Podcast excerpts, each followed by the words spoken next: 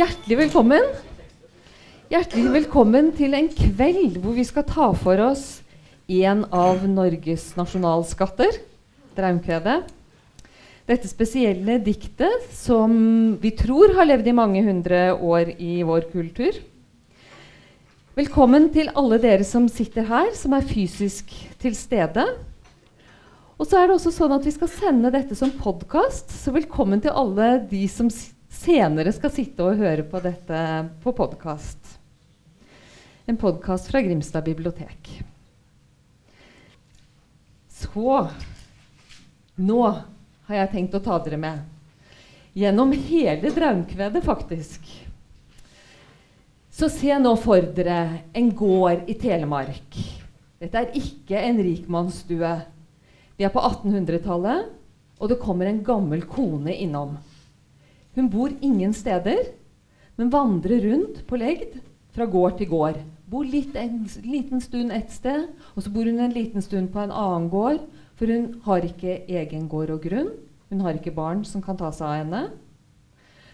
Hun er uten midler til egen husholdning, uten eget hus og uten helse til å arbeide. Og da var 1800-tallets eldreomsorg på den måten at man bodde litt hos hver. Uh, og hva, hva, betalte de med? Hva kunne de betale med? Litt sladder? Det kunne de betale med. Noen betalte med viser, og noen betalte altså med draumkvedet. Men det var en betaling som man måtte rasjonere litt med. Man måtte ikke gi ut hele kapitalen med en gang, for da kunne man jo ikke få noe dagen etter. Man kunne, fortelle, man kunne synge noen vers for et melkespann. Eller man kunne spille en slått for husrom. Fortelle et eventyr for et klesplagg. Og så er det blant disse miljøene og i husmannsmiljøet at, at Raumkvedet levde. Det var de som holdt det uh, ved like, og som fikk det til å overleve. Og Det er også noe av problemet med det, fordi de ikke ga ut all kapitalen på en gang. Derfor var det litt vanskelig å samle dem sammen, alle disse versene. Ja. Men en gang, i 1847, da kom Magnus Brostrup Landstad, han drev med salmene og salmeboka. Han var på tjenestereise i Telemark, hvor han jobbet som eh, prest. Og Den ene kvelden så kom han eh, til et sted hvor husmannskona Maren Ramscheid eh, sang. Og hun sang 30 eh, vers fra dette gåtefulle eh, diktet. Og han ble så interessert, så han skrev det ned. Og var en av de første som da gjør dette til skriftlig kunnskap istedenfor muntlig kunnskap. Hun, Maren eh, Ramscheid, hun hadde lært dette av faren sin, som hadde lært det av faren sin. Så det var en tradisjon som var selvfølgelig da eh, sannsynligvis eldre enn hennes farfar. Og når Draumkvedet blir skriftlig kunnskap, så når det jo litt lenger ut enn til, eh, til uh, Telemark, hvor det egentlig var. Så var det litt av det i Setesdal, men ikke så mye. Og I dag så skal vi liksom prøve å plukke det litt fram fra glemselen igjen. For det er det med draumkvedet at det har en tendens til å gå i, i um, glemmeboka. Og det er sannelig ikke så rart, for det er ikke så lett å lese. Man skjønner ikke så veldig godt hva man leser til å begynne med. Egentlig så er det Jørgen Moe, han med eventyrene, vet dere, eh, som var den første som tok fram diktet, og som skrev det ned. Men grunnen til at jeg nevner Landstad først, det er at han skrev ned en sammenhengende, uh, uh, sammenhengende vers som var en fortelling. Mens uh, Jørgen Moe fikk ikke riktig så mange vers. Han fikk skrevet ned 22 vers. Ja. Men dette var de første som skrev det ned. Strengt tatt så er Draumkvedet en folkevise i balladeform med firelinjet strofer og med vers eh, som de fleste folkevisene fra middelalderen har. Men det skiller seg litt ut fordi det har forskjellig refreng i løpet av sangen. Sånn at vi ser at det er ulike deler av eh, diktet. Og så er det, det er uendelig mange forskere som har interessert seg for dette verket. Jeg har stilt ut bare noen få uh, ting bak der. Men altså, det finnes mange og tunge og sterke verk om dette, om dette diktet, også på engelsk. Og kanskje det som er på engelsk, er han som har gått aller grundigst inn i det. Vi vet, vi vet ikke hvordan det oppsto. Vi vet ikke hvor gammelt det er. Vi vet ikke om det er diktet av en person, eller om det er fortellingen om en persons opplevelse. Vi vet ikke. Ingenting er sikkert. Men ut fra handlingen så kan det være en, eh, en middelalderballade, selv om den er ikke en vanlig ballade, det er helt sikkert, fordi at den er et visjonsdikt. Og i middelalderen da hadde mennesket flere hjem. Først så var det fødesheimen. Der var man født, og der fikk man føden. Det er denne verden, eller 'dessum heime', som det står i diktet. Og så fantes det en annen verden, Auromheime. Og det var en lysfylt uh, åndeverden. Og dit kom mennesket når uh, livet var ved veis uh, ende. Døden var sett på som overgang til en annen tilværelse, en ny heim. Han gikk over broen, sa man i middelalderen, og tenkte at sjelen la ut på en lang uh, reise i den andre heimen. Og enkelte kunne altså gjøre denne reisen også i levende livet når han ble rykket bort. Altså han hadde en visjon, en drøm. Og det er det det fortelles om i Draumkvedet som er sangen om Olav Ostesson og hans reise til dødsriket. Julaften så faller han i dyp søvn, og så sover han gjennom hele julen og våkner ikke før trettendagen, eller Tre kongers dag. Da saler han opp den, den raskeste folen og rir til kirken, der alt folk er samlet. Inne i kirken står eh, presten og leser eh, Lestine Lange leser teksten. Olav trer inn og setter seg på dørstokken. Og menigheten, eller de som er til stede i kirken, blir stille. Presten hører, og han forteller alt han har drømt. Om de 13 dagene da han har vært i den andre heimen og fulgt sjelens veier i de dødes land. Og legg merke til at her i kirken Fuglene sier ingenting. De er helt stille. Men når Olav kommer ridende, da begynner fuglene å lette på vingene og være levende. Mm. Det var ikke noe lett vandring. Han skal gjennom himmel og helvete. Eh, men han er, eh, kan litt av hvert. Han regnes som en vis mann. Og det kan være til hjelp når han nå skal inn i eh, Auromheimen. Visjonsdikt det er eh, det vi kaller den litterære sjangeren som kretser rundt den enkelte skjebne etter døden. Og det fantes ganske mye av dem i middelalderen. Og det er faktisk en mye eldre tradisjon enn det. Vi finner disse visjonsdiktene både i persisk kultur og i jødisk kultur også. Og Visjon betyr jo syn, så en visjonær person er altså en som har evnen til å se det vi ikke kan se med de vanlige sansene våre. Vanlige menneskelige sanser. Budskapet i nesten alle disse visjonsdiktene er at menneskelivet er en kamp mellom gode og onde krefter, og at utfallet av denne livslange moralske kampen får følger for evigheten. Det stemmer med den religiøse læren, det stemmer med det vi ser på som religiøs lære.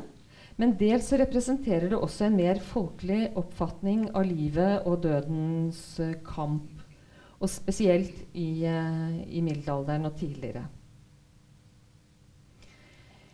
Men så Jeg sa at vi vet ikke om hvor utbredt egentlig dette diktet Nei, hvor, hvor gammelt dette diktet egentlig er. Eh, eller også hvor utbredt det har vært. Så veldig mange har forsøkt å finne opprinnelsen og finne ut av utbredelsen. Og det er ganske interessant, for på 70-tallet var det en engelsk forsker som er helt sikker på at vi kan ikke finne ut av dette. Og det er ikke, et, eh, det er ikke, det er ikke fra middelalderen. Man har mange begrunnelser for det.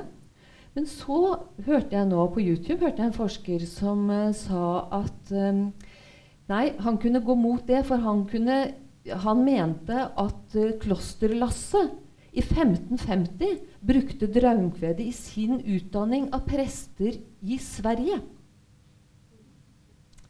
Så hvem som har rett, det er ikke godt å si. Men det vi vet, det er i hvert fall at veldig mange har engasjert seg i uh, dette diktet.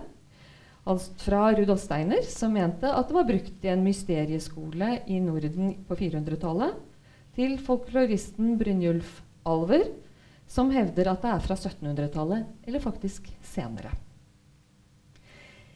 Vi vet også at ja, det kan godt hende at noen vers er gamle, men ikke alle.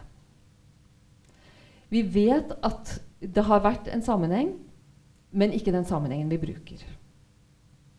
Uh, ting har på en måte uh, modellert seg sammen til det diktet vi bruker i dag. Og vi bruker heller ikke ett dikt i dag, vi bruker flere. Hvis vi ser på Gerhard Munthe, som har illustrert den boken som jeg har tatt kopi av der borte, han bruker 52 vers. Og det er Moltke Moe som samlet 52 vers og satte dem sammen til én fortelling. Men det vet vi at den fortellingen på 52 vers er det ingen som har sunget sammenhengende så lenge man har kunnet øh, øh, bevise det. Det er mye som tyder på at det er fra 1300-tallet. Det er mye i formen som tyder på det, og det er noe i språket som tyder på det. Og så er det andre vers som ikke kan være det, fordi språket forteller oss noe annet. Så vi skjønner vi har satt sammen noe, men linjen i det er allikevel eh, det samme. Og fordi det har vært en muntlig tradisjon, så er det jo også naturlig at ting eh, lirkes til og endres eh, litt på gjennom tidene. De 52 versene som Gerhard Munthe har brukt, det har liksom blitt stående som autoriteten. Dette er Draumkvedet. Um, og han utga det rundt 1900. Og det er klart Han utga det midt i nasjonalromantikken, så da ble det litt sånn Sånn skal det være. Men det er kanskje ikke helt, uh, helt sånn det var. Det rare er jo at det er bare i Telemark vi har funnet det, og så bitte lite grann i Setesdal. Uh, det kan selvfølgelig ha med det å gjøre at det var fattigfolk som bar det med seg. Uh, men vi har ikke helt funnet ut av det. Men vi vet at Raumkvedet har jo inspirert utrolig mange kunstnere. Eh, billedkunstnere som Torvald Moseid, som har et Jeg vet ikke hvor langt det teppet er. 100 meter? Et eller annet sånt.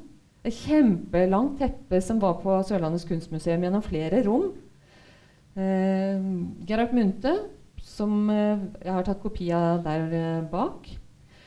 Eh, eh, Karl Erik Harr, som har i, i uh, Telemark, så på Anne Grimdal-museet, så har han en helt egen avdeling med disse illustrasjonene til Telemark.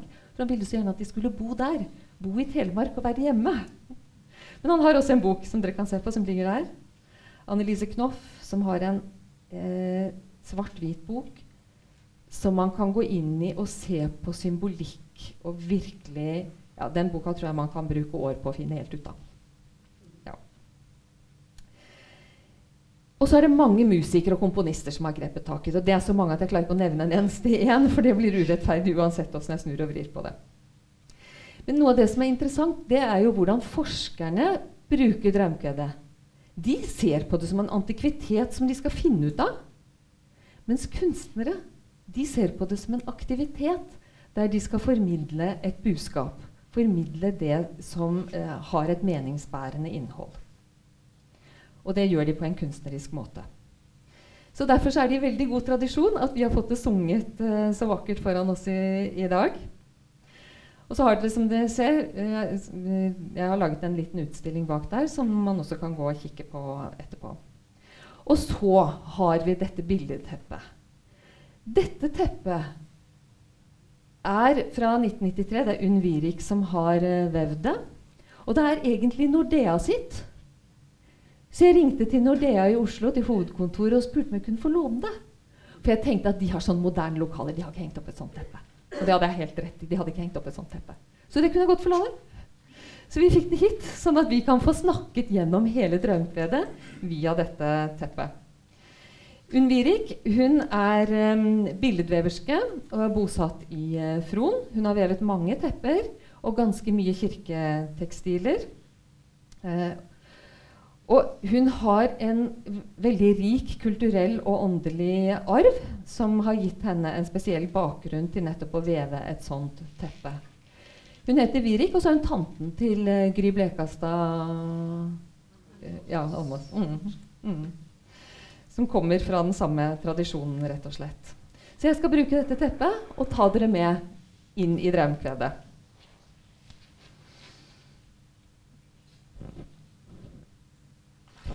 Og da skal jeg bruke lyset litt, sånn at vi kan følge, følge gangen uh, i det. I vevnaden så ser vi Olav Ostesson som kommer ridende til kirken mens presten står og leser Lestine Lange. Sannsynligvis på latin, som ingen skjønte. Og legg merke til en sånn liten detalj. Han har på seg et blått belte. Beltet er symbol for den kraften som holder vårt vesen eh, sammen. Dette står det om i Johannes' åpenbaring 1.13. Det er på en måte evnen til selvbeherskelse, altså et modent eller et modnet menneske. Har presten belte? Nei, han har ikke belte. Bare pek på det. Vi vet ikke hvem Olav er. Kanskje er han fra et kloster. Men vi vet at han hadde egen hest, og vi vet at han hadde det som står i diktet skarlakskåpe eller skarlagenskappe. Det er ikke noen hvem som helst. Eh, vi vet også at han er en Nytjan-drengen. Og det har vært tolket på den måten at ja, han var en dugende kar. Men akkurat i dag, like før jeg gikk inn her, så leste jeg at ja, men det kan også bety en død person. Ja. Så det er ofte det er flere, flere betydninger her. Og han kommer altså ridende 13. juledag, Epifania. Det som fra gammelt av var den egentlige julekvelden. Da kommer han for å fortelle uh, at han har sovet siden julaften, og at han i den tiden var i Auromheim. Altså verden på den andre siden. Og det er første del av diktet. Og det var Olav Ostesson som hever sovet så lenge, er refrenget. Så begynner Olav å fortelle, og vi følger han på reisen. Eg la meg ned om jordleftan, og sterkan svevnen fekk. Vakna 24 om trettandagen, da folket åt kyrkjun gikk. For månen skine, og veiene falle så vide. For månen skine og veiene falle så vide, er refrenget i denne delen av uh, diktet. Så skal vi se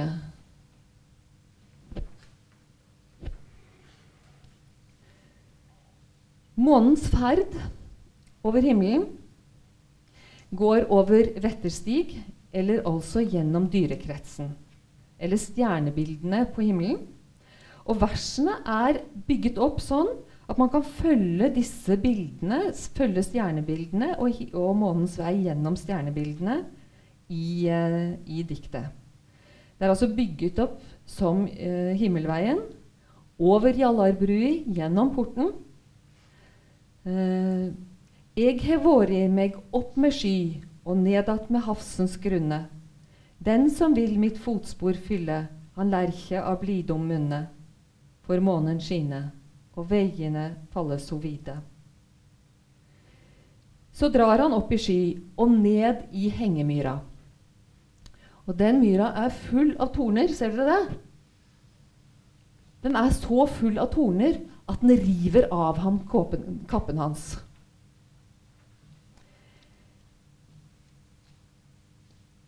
Her møter han eh, helvete med isende kulde og brennende hete. Og så får han også se noe av himmelriket.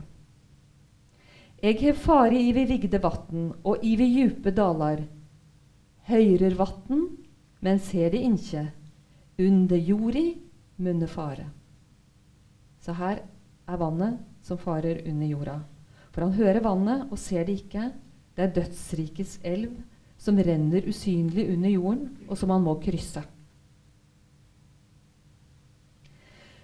Så gikk han over eh, denne tornemyren, og da sier han Fyrsteg var i uteksti Eg for i ved tynnmyr mog.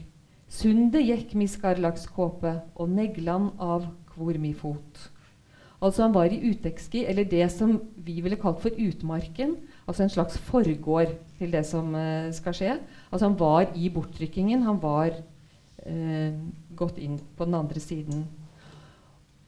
Og kappen rives av han, neglene farer av bena hans.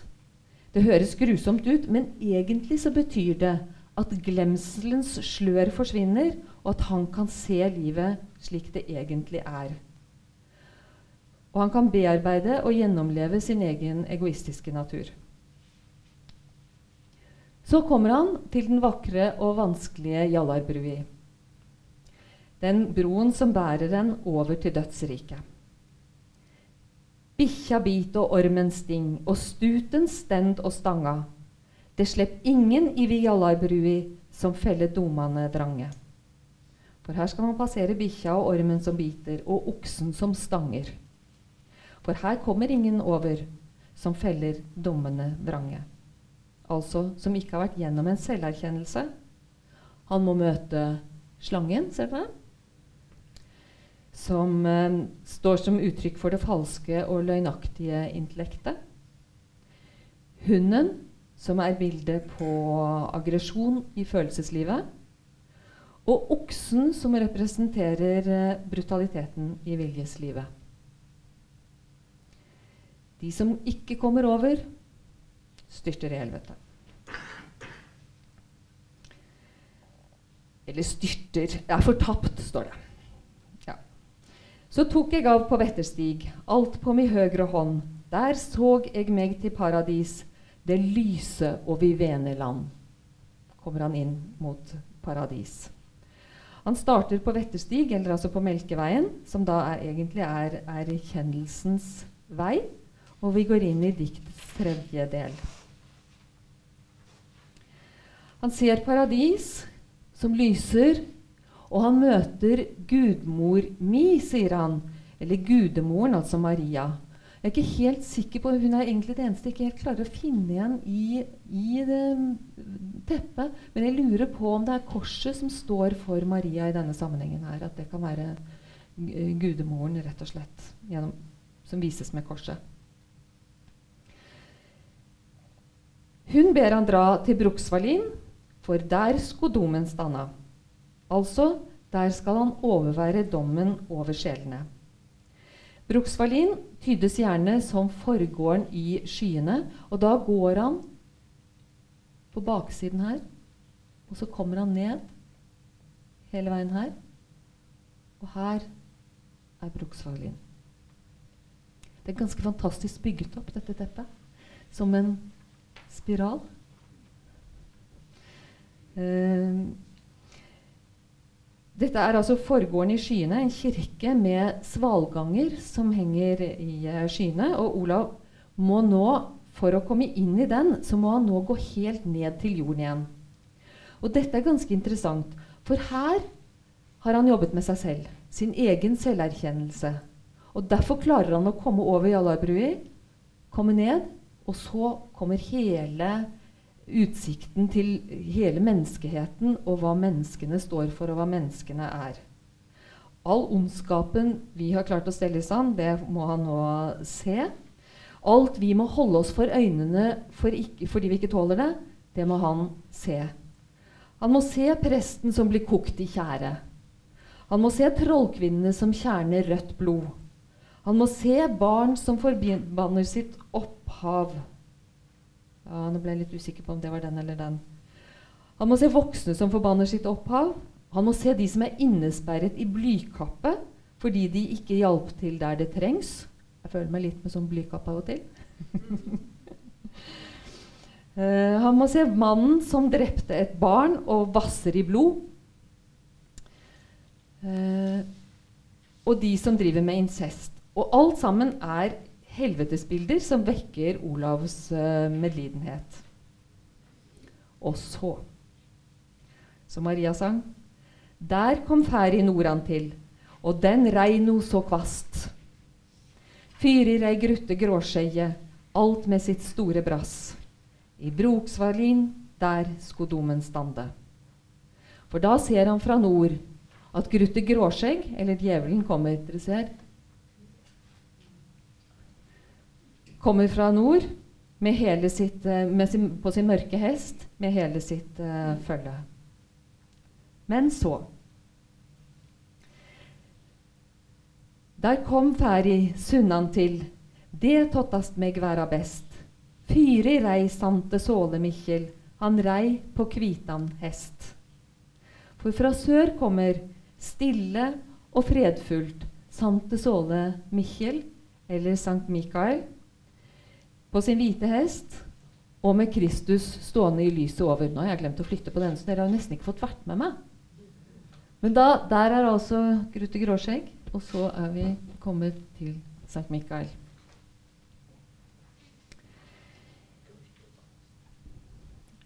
Her eh, Sankt Mikael på sin hvite hest og med Kristus stående over, for nå skal syndesjelene veies. Og Sante Såle Mikkjel blåser i luren så alle sjelene kommer fram, og sjelene skjelver som ospeløv.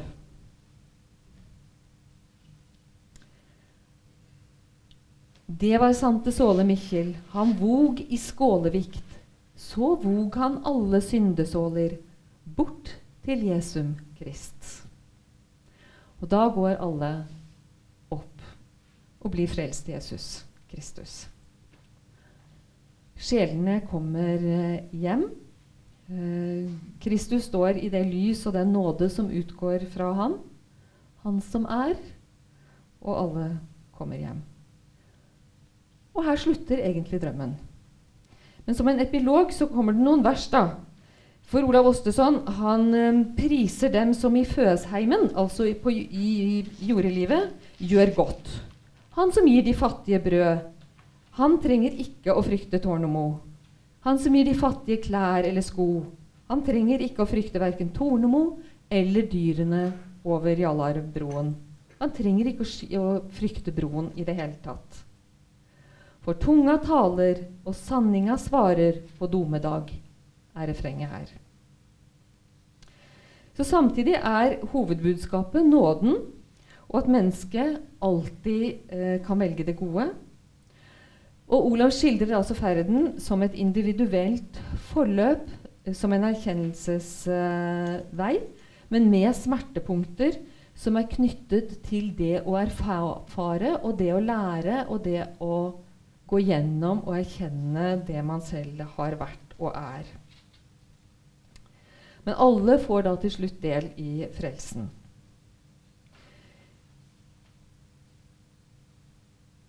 Da har vi gått gjennom teppet, men jeg skal si litt mer. For Draumkvedet det er fra en tid da gamle skikker ble utfordret og gradvis endret seg som følge av trosskiftet. I det norrøne samfunnet så var den enkeltes stilling det var knyttet til slektens ære, til rikdom og makt, og ting gikk i arv og fulgte familien. Og høvdingen rådet over sine folk. Treller var, eh, var, hadde ikke noe eh, mer verdi enn det de kunne jobbe for. De kunne slås i hjel uten store følger, og loven var definitivt ikke lik for alle. Og med kristendommen så fulgte livssyn og holdninger som rokket ved dette gamle synet. Livet blir ukrenkelig. Ingen har rett til å ta en annens uh, liv. Menneskeverdet gjaldt både høvding og trell. Alle var skapt i Guds bilde.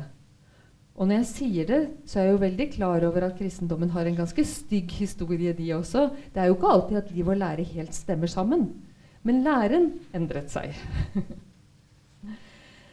Trond Berg-Eriksen, filosofen, forteller i boken 'Kors på halsen' om eh, den gangen Romas første kristne samlet byens gamle og skrøpelige og sørget for deres underhold. Og det er en, en ny holdning, en ny måte å se det på. Man forbarmet seg altså over fremmede mennesker som representerer noe helt nytt i, i historien.